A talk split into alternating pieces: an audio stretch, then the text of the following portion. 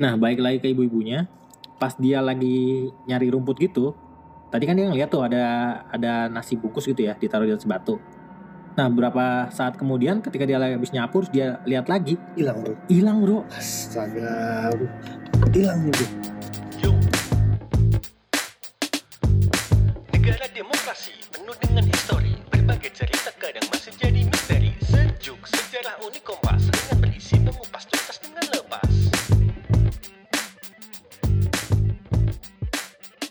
Selamat datang di podcast Sejuk, episode Semilir, Sejarah Misteri Mengalir. Gue kali ini ditemani seorang sosok penunggu di Kompas. Wah, parah banget loh bro. Gua dibilang penunggu. Iya bro, penunggu tanggal muda. Eh, kita ini bukan penunggu bro. Kita ini pengabdi, pengabdi gaji. Kali ini gue ditemenin sama Arif. Oke Arif, aura lu kan udah horor nih, apalagi menjelang tanggal tua. Jadi pas banget kali ini kita bahas soal hal-hal berbau misteri.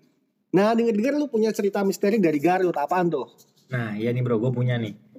Jadi gue punya satu kisah dari Tanah Garut berdasarkan arsip Kompas tanggal 11 Oktober tahun 2003 nih bro. Jadi ini tuh cerita tentang situs prasejarah di desa Cimareme, kecamatan Bayu Resmi. Itu tuh sekitar 15 km lah sebelah timur kota Kabupaten Garut, Jawa Barat ya. Mm. Nah, di daerah itu tuh punya tempat sakral namanya Pasir Lulumpang.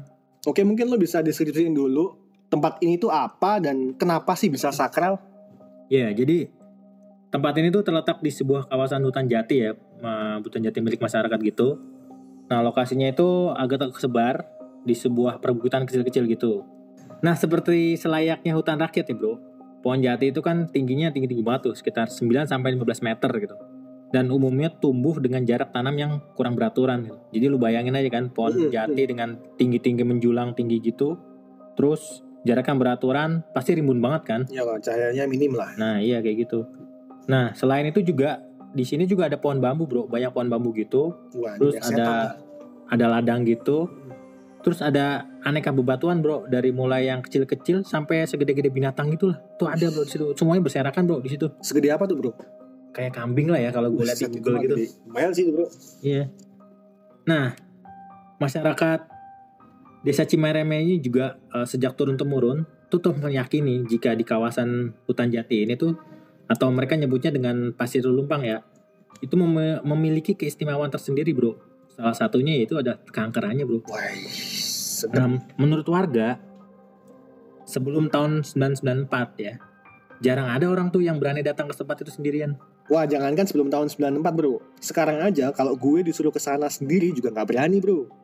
Dari yang lu deskripsiin tadi, gue sempat googling nih sebentar buat ngeliat suasananya. Ini ngeri banget sih. iya bro ini gue lanjut ya ceritanya ya Oke lanjut. Jadi menurut kesadaran warga yang ditulis di artikel ini tuh pernah ada kejadian yang nggak masuk akal bro. Ini tuh cerita tentang eh, ibu-ibu ya sekitar umur 50 tahunan lah gitu. Eh yang emang biasa membersihkan kawasan hutan itu. Gitu. Hmm. Areal lu- area arealnya tuh lumayan besar banget sih bro. Sekitar 2 hektar gitu. Eh, luas banget cuy. Iya, kebayang kan lu? Iya. Bersihin hutan jati 2 hektar, nyapu halaman. Males banget cuy, gue yang bersihin halaman aja. Ngot-ngotan. Nah, si ibu tadi ini tuh ketika dia lagi mencari rumput untuk pangan ternaknya ya, tiba-tiba dia melihat bro ada tujuh bungkus nasi timbel ya, kayak nasi bungkus itu di atas batu lumpang. Nah, batu ini tuh kalau gua sepintas tadi ya eh, searching di Google itu sebesar kambing lah, Bro. Hmm. Terus eh, bentuknya tuh kok hampir persegi gitu. Permukaan atasnya rata dan di tengahnya itu ada lubangnya ya, sekitar diameter 25 cm lah kurang lebih. Nah, itu ada yang bentuknya seperti itu ada empat buah, Bro, dan tersebar tidak beraturan. Kurang lebih kayak gitulah, Bro. Nah, baik lagi ke ibu-ibunya. Pas dia lagi nyari rumput gitu, tadi kan dia ngeliat tuh ada ada nasi bungkus gitu ya ditaruh di atas batu. Nah, berapa saat kemudian ketika dia lagi habis nyapu, dia lihat lagi, hilang bro. hilang, Bro. Astaga bro. Hilang bro. Ini nggak enak banget sih bro. Nggak mungkin kan ada orang yang ngambil di tengah hutan kayak gini. Iya, Bro. Lu pikir aja sendiri. Dan wa- tengah- waktunya pun juga ini bentar banget sih bro. iya, Nggak, nggak masuk akal, ini nggak masuk akal sih. di tengah hutan ya sendirian, tiba-tiba ada nasi, terus nggak lama kemudian lu lihat lagi nasinya nggak ada.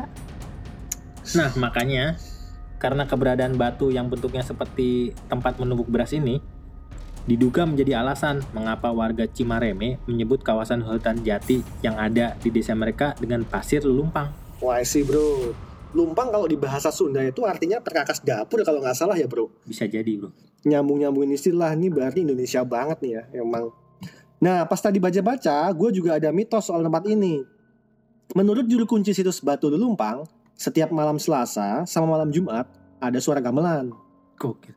Suatu hari, warga tiba-tiba tuh denger kayak suara-suara gamelan dari arah situs Lumpang. Hmm? Dikira ada acara dong ya. Hmm. Terus berbondong-bondong lah tuh warga ke lokasi. Pas nyampe kosong cuy, nggak ada apa-apa. Gokil. Yang di prank satu kampung gitu ya? Itu makanya gila nih. Udah levelnya udah level kelas berat ini ya. Gokil nggak kebayang sih gue. Ada lagi mitos tentang kuda sembrani. Hmm, apa tuh? Warga mengaku kerap mendengar suara kuda tengah berlari dan minum di Danau Gabus, sebuah danau yang terletak tak jauh dari situs. Oh berarti lebih ke suara-suara gitu ya bro? Gangguannya. Iya, untungnya sih belum sampai cerita penampakan ini. Ya mungkin ada sih bro menurut gue. Mungkin nggak ketangkap sama media aja. Gue Ya. yakin sih ada ya namanya tempat-tempat sakral gitu Nggak sih. mungkin dong kita ceritain ada ada penampakan pocong gitu kan terus diceritain di media kayaknya kurang kepe. Mungkin Ah. harus ada uji nyali sendiri kali ya ke sana. Gue merinding nih cuy. Oke. Nah dari berbagai cerita tentang keangkeran tempat ini membuat warga desa Cimareme sampai sekarang memiliki beberapa pantangan ketika ada di Pasir Lulumpang. Hmm. Salah satu pantangan itu adalah jangan mindah atau merusak bebatuan yang ada di kawasan itu, terutama batu yang berukuran besar. Sebab sebagian besar batu di Pasir Lulumpang dipercaya ada penunggunya dan memiliki tuah tertentu. Berbagai cerita tentang keangkeran Pasir Lulumpang ini pada tahun 1994 memancing Kepala Dinas Pendidikan dan Kebudayaan Kabupaten Garut untuk datang ke tempat tersebut.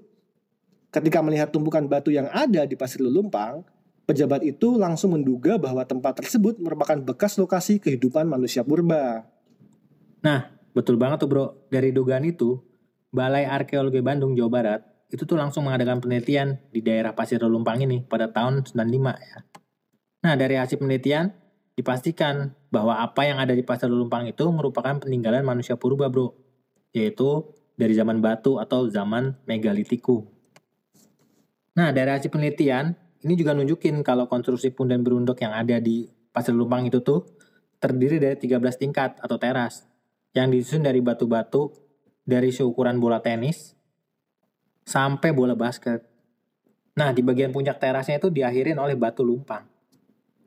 Gue juga dapat informasi dari 8 situs punden berundak yang ada di desa Cimareme, seluruhnya memiliki letak tingkatan di sisi barat dan timur. Sedangkan sisi utara dan selatan hanya berupa tanah pegunungan biasa yang lumayan terjal. Letak tingkatan yang hanya di sisi barat dan timur ini diduga berkaitan dengan arah pemujaan yang menyesuaikan dengan arah perjalanan matahari, yakni dari timur ke barat. Hmm, iya sih, iya sih. Ya itu tadi sejarah misteri mengalir soal batu prasejarah di Garut. Meski banyak mitos, situs ini sering juga dikunjungi wisatawan, terutama mahasiswa untuk studi. Buat yang penasaran pengen ke sini, jangan takut. Yang penting selalu menjaga sikap dan patuhi peraturan. Betul banget. Kayaknya itu nggak semua di batu lumpang aja ya. Ya, ya benar. Hampir semua tempat-tempat yang dianggap sakral, kayaknya kita perlu Jaga sopan jaga santun. sopan santun, manner kita. Ya, ini cara untuk menghargai aja dan menghormati aja sih kita. Betul. Gitu. Oke, kalau gitu segini aja episode similar kita kali ini. Gue dan Inggra kudu pamit. Sampai ketemu di episode sejuk selanjutnya. Jangan lupa artikel-artikel tadi bisa kalian akses di kompasdata.id. Yang dulu Pasti seru. Negara demokrasi penuh dengan histori, berbagai cerita kadang masih jadi misteri. Sejuk sejarah unik